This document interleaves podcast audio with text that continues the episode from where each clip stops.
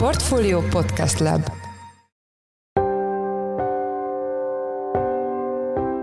Sziasztok, ez a Checklist, a Portfolio munkanapokon megjelenő podcastje június 22-én szerdán. A mai műsor első részében arról lesz szó, hogy Erdogán török elnök, aki amellett, hogy Svédország és Finnország NATO csatlakozását blokkolja, katonai offenzívát helyezett előtérbe Szíriával szemben. Hogy mi lehet Erdogán valódi célja, több tényezőt is figyelembe kell venni. Talán az egyik legfontosabb, hogy jövőre elnökválasztás lesz Törökországban, és Erdogán népszerűsége nincs a tetőponton, finoman szólva. Ugye Törökországban jelentős az infláció, a lira elértéktelenülése, és egyéb más bel- belpolitikai problémák is vannak. A következő NATO csúcs lehetséges forgatókönyveiről és egy újabb háború következményeiről kérdezzük Kis Csabát, a portfólió globál rovatának elemzőjét. Az adás második részében a Cinema City marketing igazgatóját kérdezzük arról, hogy a Covid okozta kényszerleállás után hogyan tért vissza az élet a mozikba, konkurenciát jelentenek-e a streaming szolgáltatók, és hogy melyik filmet övezi a legnagyobb várakozás jelenleg. Én Pitner Gábor vagyok, a Portfolio Podcast Lab szerkesztője,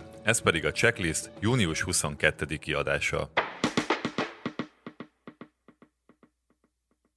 A katonailag régóta semleges politikát folytató Svédország és Finnország NATO csatlakozási kérelmére májusban reagált Törökország elnöke, Tayyip Erdogan, aki jelezte, nem támogatja a két ország csatlakozását. De emellett újabb offenzívát is előtérbe helyezett a szomszédos Szíria, zömmel kurdok lakta területeivel szemben. A témával kapcsolatban itt van velünk a mai műsor első vendége, Kis Csaba, a portfólió globál rovatának elemzője. Szia Csaba, üdvözöllek a checklistben. Szia, én üdvözlöm a hallgatókat. Mivel indokolta Erdogán Svédország és Finnország csatlakozási kérelmének elutasítását? Svédország és Finnország május közepén egyszerre adta be a NATO csatlakozásra irányuló kérelmüket. Itt egy pár hónap alatt lezajlott folyamatról volt szó. Korábban mind a film, mind a svéd közlemény ellenezte a NATO csatlakozást, amíg még nem volt az Oroszország Ukrajna inváziója. Az invázió megindulta után azonban elég gyorsan változott mind a két ország a közleménye, és pár hét alatt a lakosságnak több mint a fele mindkét országban a NATO csatlakozás mellé állt. Ez aztán a politikai vezetéseket is arra késztette, hogy megtegyék ezt a történelmi fordulatot. Azért is történelmi ez a fordulat, hiszen Svédország a napoleoni háborúk óta nem vívott európai és más háború, világháborút, a világháborúból is kimaradt, katonai semlegességet fogadott, és ezt 200 éven keresztül őrizte is. Finnország pedig a Szovjetunióval vívta egyébként a utolsó háborúját, a téli háborút a második világháború alatt, utána pedig szintén semlegességet fogadott, tehát egyik katonai blokkhoz sem csatlakozott se a nato se a Varsói szerződéshez, ezt nagyon sokáig föntartották, még az Európai Unióhoz is csak 1995-ben csatlakozott a két ország. Egyre, egyre, egyre valószínű volt a ukrajnai háború kitörés után, hogy csatlakozni fognak, annak ellenére, hogy nyilván ez Oroszországnak nagyon nem tetszett. Végül beadták a csatlakozási kérelmet, és mindenki arra számított, hogy gyors csatlakozásról lehet szó, hiszen mind a két országnak a hadserege hadereje meglehetősen fejlett, NATO kompatibilis és már elég régóta van együttműködés a NATO-val. Ugye a csatlakozáshoz mind a 30 jelenlegi NATO tagország a hozzájárulása szükséges. 30 ország közül egyedül Törökország jelezte azt, hogy nem támogatja a csatlakozást, mégpedig Erdoğan, török elnök azt mondta, azért nem támogatja, mert Finnország és Svédország, elsősorban Svédország szerinte kurd terroristáknak ad otthont, illetve gülenista terroristáknak ad otthont. Gülen ugye a Erdoğannak a egyik fő hazai ellenfelé, hanem már nem hazai, mert már elmenekült az országból, és nagy hálózatot tart fenn a világban. A kurdok pedig, pedig régóta, régóta ellenfelei Erdoğannak, ugye jelentős kurd lakosság van, él Törökországban, és van egy terrorszervezetük is, a kurdisztáni munkáspárt, rövidítés, rövid nevén PKK, amely az 1970-es évek vége óta több terror terrorcselekményt is végrehajtott Törökországban, és összesen már 40 ezer körüli áldozata van ezeknek a terrorcselekményeknek, tehát itt egy kurd szeparatista törekvés zajlik Törökországban, és ezeknek a kurd, kurd szeparatistáknak tulajdonképpen Svédország és Finnország, elsősorban Svédország menedéket adott, százeres számú kurd kurd népesség van Svédországban, és a svéd kormány is jó kapcsolatokat ápol, elsősorban a szíriai kurdokkal, akik a Törökországtól délre fekvő Szíriában élnek, és akik ellen most az inváziót akarja majd indítani Erdogan elnök. Van bármi konkrét bizonyíték Erdogan állításaira? Mi lehet Erdogan valódi célja ezzel a vétóval? Annyiban Erdogan állítása mindenképpen helytállóak, hogy, hogy Svédországban és Finországban is van jelentős kult kisebbség, Svédországban sokkal nagyobb, Finországban kevesebb, illetve valóban vannak. Elsősorban szíriai kurd volt fegyveresek ezekben az országokban.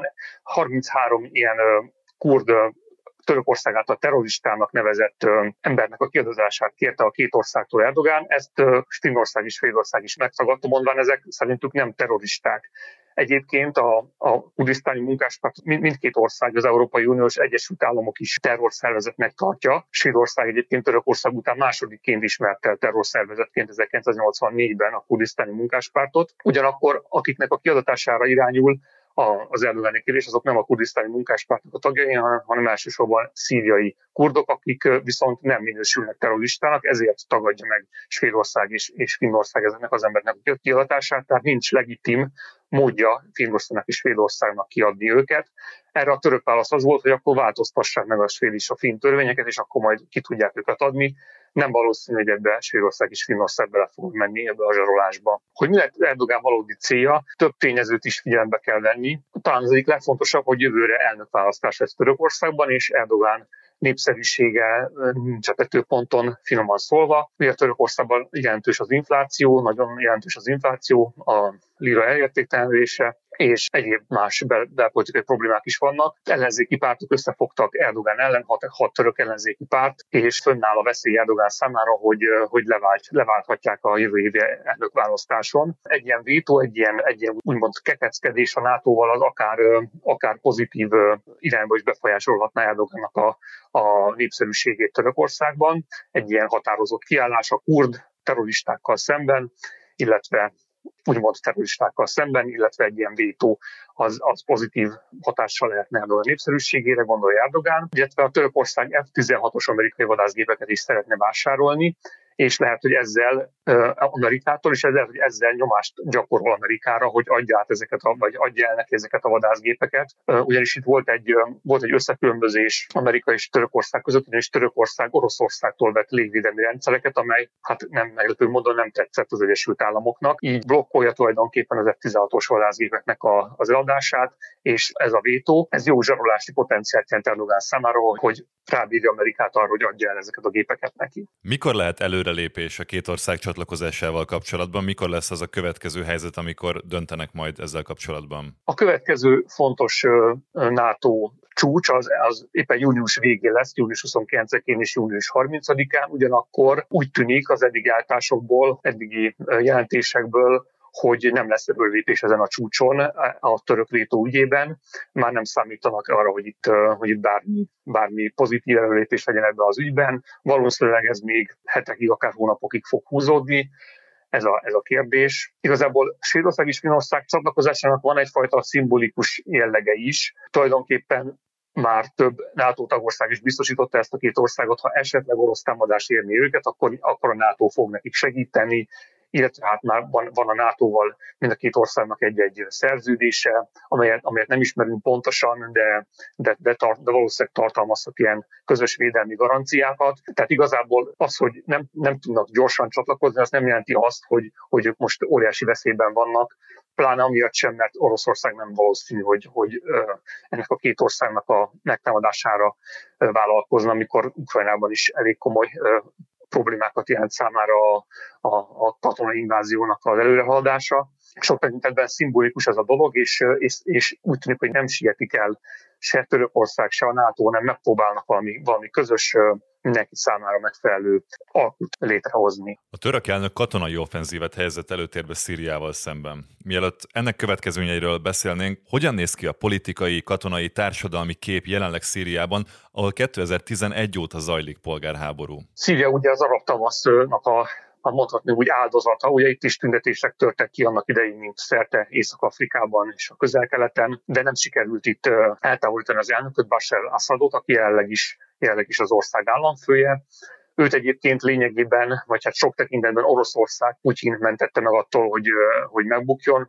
Orosz, Oroszország évek ezelőtt jelentős offenzívát indított Szíriában, Assad elnök védelmében, és így megszilárdította a hatalmát. Most már a szír kormányerők azért az országnak jelentős területeit ellenőrzik, ez alól kivételt jelentenek a, az éppen a szírai kurdok által ellenőrzött területek. Ezek a szírai kurdok egy külön autonóm tartományt is létrehoztak. Rozsava néven szokták ezt röviden emlegetni, egyébként észak- és kelet-szíriai autonóm közigazgatásnak nevezik. Itt a szíriai kurdok lényegében uralják a, ezeket a területeket, ugyanakkor ők nincsenek olyan ellentétben kormányerőkkel, Bashar Assaddal, mint, mint, mint más felkelő csapatok, például az iszlám állam volt. A szíriai kurdok hívták a legjelentősebb, legjelentősebb harcokat az iszlám állam ellen. Őket az Egyesült Államok is jelentősen segítette ebben a harcban, és, és nagy rész sikerült visszaszorítani az iszlám államot, amely, amely egy időben Irak és Szíria jelentős területeit uralta, szinte tényleg egy nagy államot hoztak létre.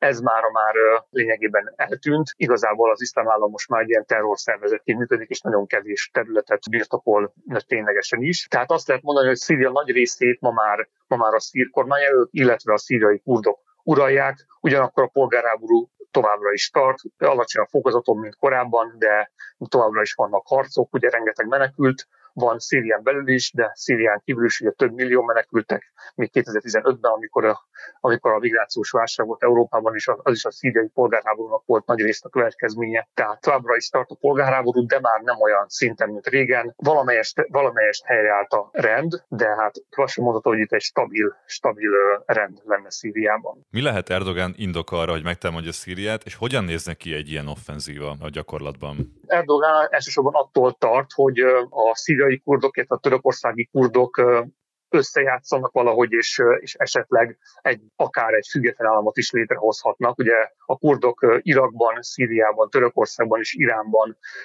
élnek, nagyjából úgy egy tömbben, tehát itt az egy, egymásra határos területeken élnek, ugyanakkor nincsen saját államuk, lényegében a kurdok az egyik legnagyobb olyan, olyan nép, olyan nemzet, amelynek nincs saját állama, hanem, hanem több államban szétszórodva él. Ennek egyébként rövidebb távon, középtávon látszik realitása, hogy, hogy egy kurd egység és egy kurd, kurd állam létrejöjjön. Ugyanakkor ez a félelem, ez, ez állandóan jelen van Törökországban és, és más, más országokban is, de elsősorban Törökországban, hogy egy, hogy egy kurd, kurd állam létrejöjjön. Egyébként a, egyébként a kurdisztáni munkáspárt korábban a még a kezdetek kezdetén a kurdisztáni függetlenségét harcolt, aztán utána, utána már csak a kurdisztáni autonómiáját harcolt, tehát most a kurdisztáni munkáspártnak a hivatalos célkülés egy, egy kurdisztáni autonómia Törökországon belül, ugyanakkor Törökország folyamatosan tart attól, hogy a, hogy a, hogy a kurdok destabilizálják őket, és az, hogy Szíriában lényegében egy, vagy hogy nem egy független államot működtetnek, ugye egy autonóm közigazgatást, ez elég veszélyes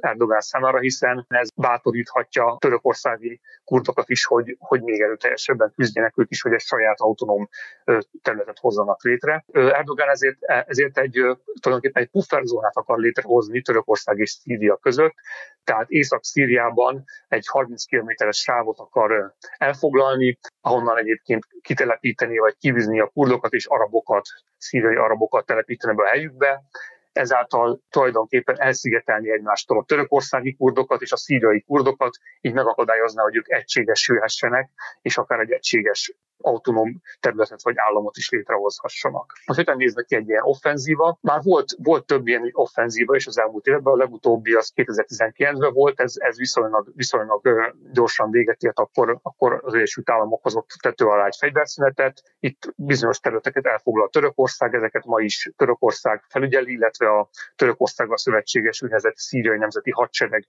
nevű, nevű milícia tartja ezeket ellenőrzésük alatt, és a a Erdogán célja most az, hogy, hogy kiterjessze ezt a területet, tehát jobb, mélyebben, mélyebben behatoljon Szíriába, és egy nagyobb kiterjedésű pufferzónát hozzon létre itt Szíria és Törökország között. Egyelőre ez az offenzíva nem indult el, alacsonyabb, alacsonyabb intenzitású harcokról érkeznek jelentések, de hát ezek eddig is voltak, rakétatámadások, légitámadások, egyelőre csapat összevonások se látszódnak Törökország részéről, úgyhogy nem lehet tudni, mikor indulhat egy ilyen offenzíva. Erdogan azt mondta, hogy amint, amint az előkészületek lezajlottak, azután indul, hogy ez mikor lesz, azt nem tudjuk. A jelenlegi nemzetközi helyzetben a nagyhatalmak hogyan reagálnának a török támadásra? Hova eszkalálódhat ez a lépés? Nagyon érdekes a, a szíriai helyzet a nagyhatalmak szempontjából. Ugye itt az Egyesült Államok, Oroszország is érdekelt Törökország mellett. Ugyanakkor egy olyan érdekes konstelláció jött létre, ahol az orosz érdekek és az amerikai amerikai érdekek szinte találkoznak, és, és viszont szemben állnak Törökország érdekeivel. Törökország ugye NATO tagállam, tehát elvileg az Egyesült Államokkal kéne közös érdekközösségbe tartozni, de, de, de, de Szíriában éppen ellenkezőleg nem esnek egybe. Az Egyesült Államok aggodalmát is fejezte ki az erdogáni tervekkel szemben. Maga Anthony Blinken, amerikai külügyminiszter is aggályosnak nevezte ezeket a terveket, ugyanakkor nem tűnik úgy, hogy Amerika jelentősebb beavatkozásra törekedne. Ugye Amerika nagyon alacsony intenzitásra van jelen, van jelen Szíriában, elsősorban az iszlám állam elleni harc miatt vannak amerikai katonák, és az, az teljesen valószínűtlen, hogy, hogy ők Törökországgal NATO szövetségesük eszembe bármilyen tényleges lépést tegyenek azon kívül, hogy, ahogy, hogy szavakban kifejezik az elnézéseiket. Oroszország szintén elnérdekelt, Oroszország Bashar Assad elnököt támogatja, a szír, szír elnököt támogatja, Szíria viszont nyilván, a szír állam viszont nyilván nem akarja, hogy az északi szomszédja Törökország betörjön szír területre, és, és ott területeket foglaljon el tőle. Tehát ez nyilván ők, ők területi integritásuk és szuverenitásuk megsértésének értelmezik a, az erdogani terveket. Ugyanakkor nem valószínű, hogy, hogy Szíria vagy akár Oroszország szintén érdemi módon föllépne egy, egy lehetséges török invázióval szemben, hiszen ezeket a területeket a szíriai kurdok uralják elsősorban, még hogyha, még hogyha szír jóváhagyással is, így ténylegesen a szír kormány nem uralja ezeket a területeket, így nem is akarhatja ezeket annyira ö, megvédeni. Úgyhogy igazából a szíriai kurdoknak a feladata marad ezeknek a területeknek a védelme, és ők fognak majd harcba bocsátkozni a török csapatokkal. Nem várható az, hogy, hogy bármelyik nagy hatalom is katonára beavatkozzon a konfliktusba. Éppen ezért eszkalációt én nem várok ebben a helyzetben, főleg, hogy jelenleg ö, mindenki Ukrajnára figyel, ahol ugye Oroszország támad, és, és Amerika pedig jelentős segítséget nyújt Ukrajnának, tehát ö, Szíria kívül esik a nagyhatalmaknak az érdeklődési területén, ez is jó lehetőséget ad Erdogánnak arra, hogy most intézen egy inváziót a szíriai kurdok ellen. Köszönjük szépen! Az elmúlt percekben Kis Csaba, a portfólió globál rovatának elemzője volt a vendégünk. Köszönjük szépen, hogy itt voltál velünk a műsorban. Én köszönöm. Június 3-án volt egy éve, hogy a járvány miatt kényszerpihenőre került Cinema City mozik újra megnyitották kapuikat a nézők számára. Arról, hogy azóta sikerült-e talpra állnia a mozihálózatnak, illetve hogy az egyre népszerűbb streaming szolgáltatók hogyan alakították át a mozikba járók számát, Buda Andreát, a Cinema City mozihálózat marketing és PR igazgatóját kérdezzük, aki itt van velünk telefonon. Üdvözlöm Andrea a checklistben. Üdvözlöm én is önt is, meg a hallgatókat is. Mennyire változtatta meg a koronavírus járvány a Cinema City moziknak a működését. Hogyan alakul át a látogatószám és a vetítések gyakorisága a, a járvány előtti időszakhoz képest? Alapvetően azt tudom mondani, hogy a működést nem változtatta meg nagyon. Talán annyiban, hogy az elején, amikor újra nyitottunk, akkor volt egy olyan időszak, most már, hogy a nyári szünet elkezdődött, ez nem áll fent, hogy a nagyobb moziainkban, ahol egyébként már Covid előtt mondjuk 10 órakor kinyitottunk, akkor ugyanúgy azt tartottuk, mint a vidéki kisebb moziknál, hogy csak délben nyitunk ki. Ezzel mondjuk úgymond ilyen manpower-t tudtunk egy kicsit csökkenteni meg nyilván ez az időszak nem feltétlenül a leglátogatottabb mozizás tekintetében, kivéve az iskolai csoportokat, akiknek egyébként, ha úgy van, vagy úgy volt, akkor kinyitottunk akkor is. Szóval, hogy ilyen szinten változott, meg maga üzemeltetésben nem, nem történtek változások, ugyanazokat a termékeket áruljuk.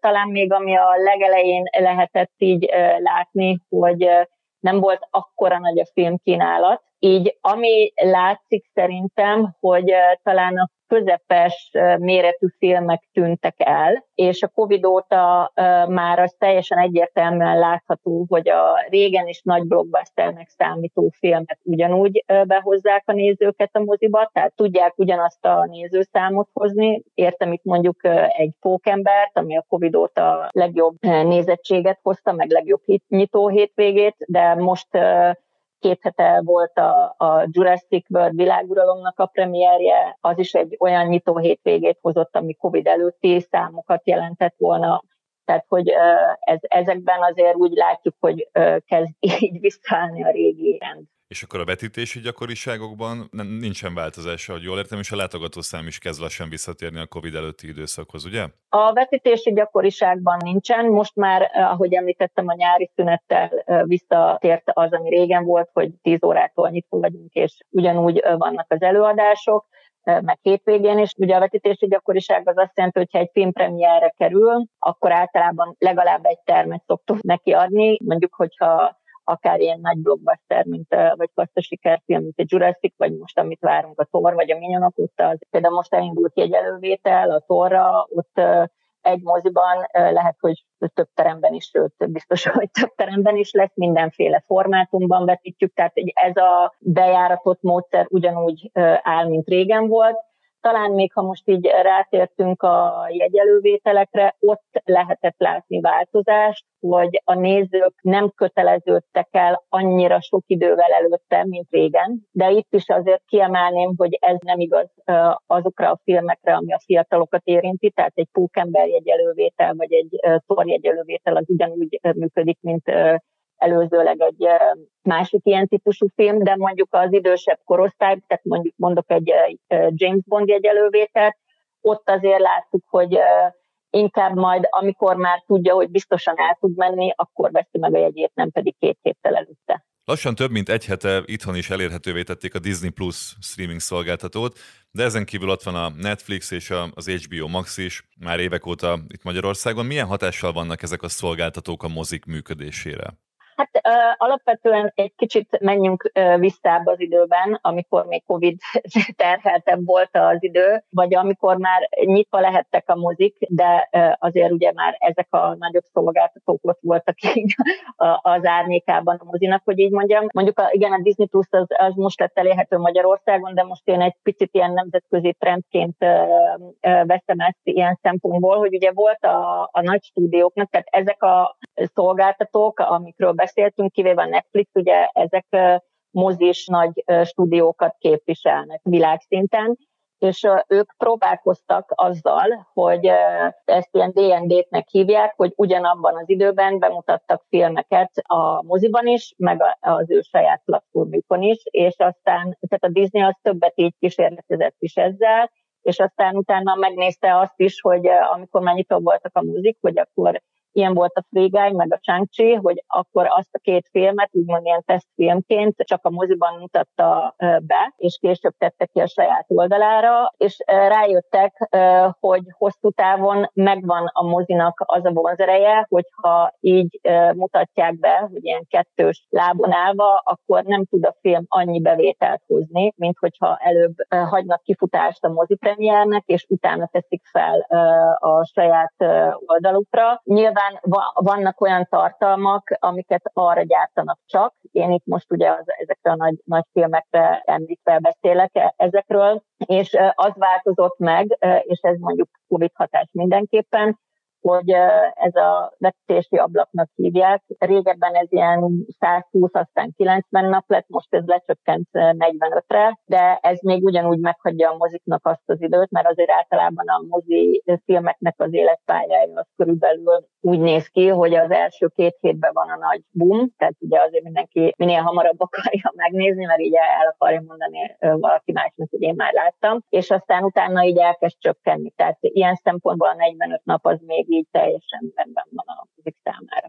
Akkor azt nem lehet kijelenteni egyértelműen, hogy a, a streaming szolgáltatók nézőket vonnának el a mozik nézőszámából? Nézze, ha valaki, amikor nem volt más lehetőség, és nagyon szereti a filmeket, vagy filmeket akar nézni, akkor otthon ezt így meg tudta tenni, de azért szerintem bárki belegondol, vagy magában is, meg beszélget másokkal, akkor azt mondja, hogy vannak olyan filmek, amiket ő nem fogja más formában megnézni, csak mozifilm formában. Többek között ugye, amikor a bezárás is volt, nagyon sok rendező, vagy ilyen a legnagyobb nevű rendező, pont el is mondták, hogy ők a filmjeiket mozivászonra csinálják, nem laptopra, nem telefonra, meg tabletre, meg hasonló képernyőméretekre, hanem mozivászonra. Nyilván van, van egy opció, hogy valaki éppen nem tud mit csinálni, és mondjuk ott van, akkor, akkor nézi, de hogyha a, a mozi, én azt gondolom, meg így a mi cégünk végül is úgy áll ehhez a kérdéshez, hogy sokkal jobban konkurál egy más egyéb szabadidő eltöltési lehetőséggel, mint az otthoni filmnézéssel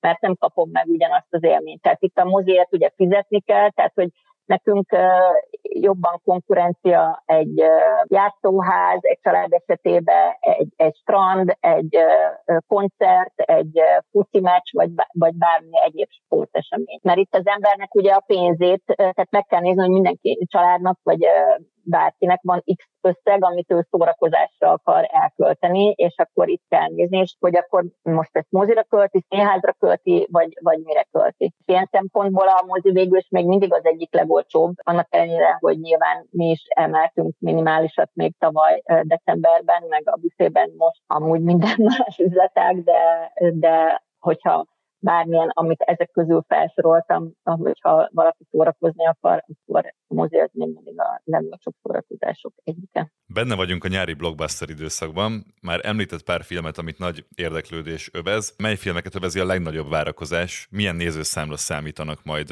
a nyári szezonban? Most a legnagyobb várakozás, tehát mi azt gondoljuk, hogy a nyárnak a mondjuk két-három vezető filmje, párat fel kellene sorolnom. Az egyik biztos, hogy a Thor lesz, ami most július elején kerül a mozikba, a másik, a, ha családokat néz. Tehát ez a tóra a fiatalok, ugye. Tehát ne, nekünk, mint multiplex mozihálózatnak két fő célközönségünk van, ez a 12-14-től mondjuk 35-ig, tehát ez a, az a fiatal közönség, vagy a gyerekes család, és itt mondjuk lehet a szülő vagy a nagyszülő, ezért a másik, amit mindenképpen említenék, az a minyonoknak a következő része. A, a Jurassic, amit említettem már, az most két hét után 235 ezer nézőnél tart, vagy másfél hét után inkább úgy mondom, egy teljesít, még egy premier. És hát ami mondjuk nagyon, talán mondhatunk kicsit ilyen meglepetésfilmnek, bár világszinten is úgy tűnik, hogy nem az, ez a Top Gun, ami négy hét után már 300 ezer nézőnél tart,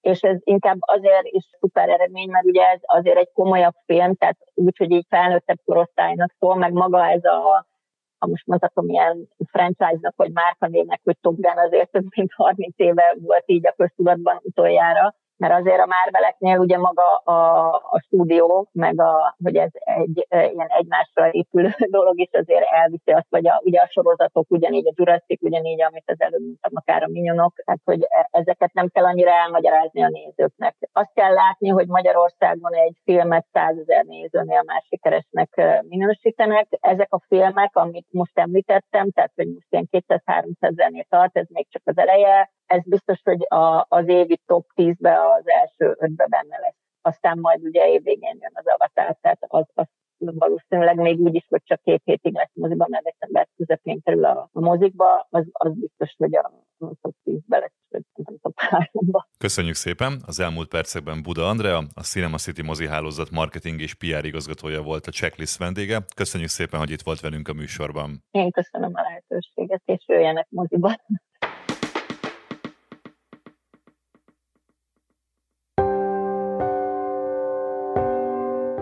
Ez volt már a Checklist, a Portfolio munkanapokon megjelenő podcastje. Ha tetszett, iratkozz fel podcast csatornánkra valamelyik nagy podcast felületen, például a Spotify-on, az Apple Podcast-en vagy a Google Podcast-en. Ha segítenél nekünk abban, hogy minél több hallgatóhoz eljussunk, akkor arra kérünk, hogy értékelj minket azon a platformon, ahol követsz minket. A mai adás elkészítésében részt vett Gomkötő Emma, Bánhidi Bálint és Forrás Dávid, a szerkesztő pedig én, Pitner Gábor voltam. Új adással holnap, 5 órakor jelentkezünk, addig is szép napot kívánunk, sziasztok!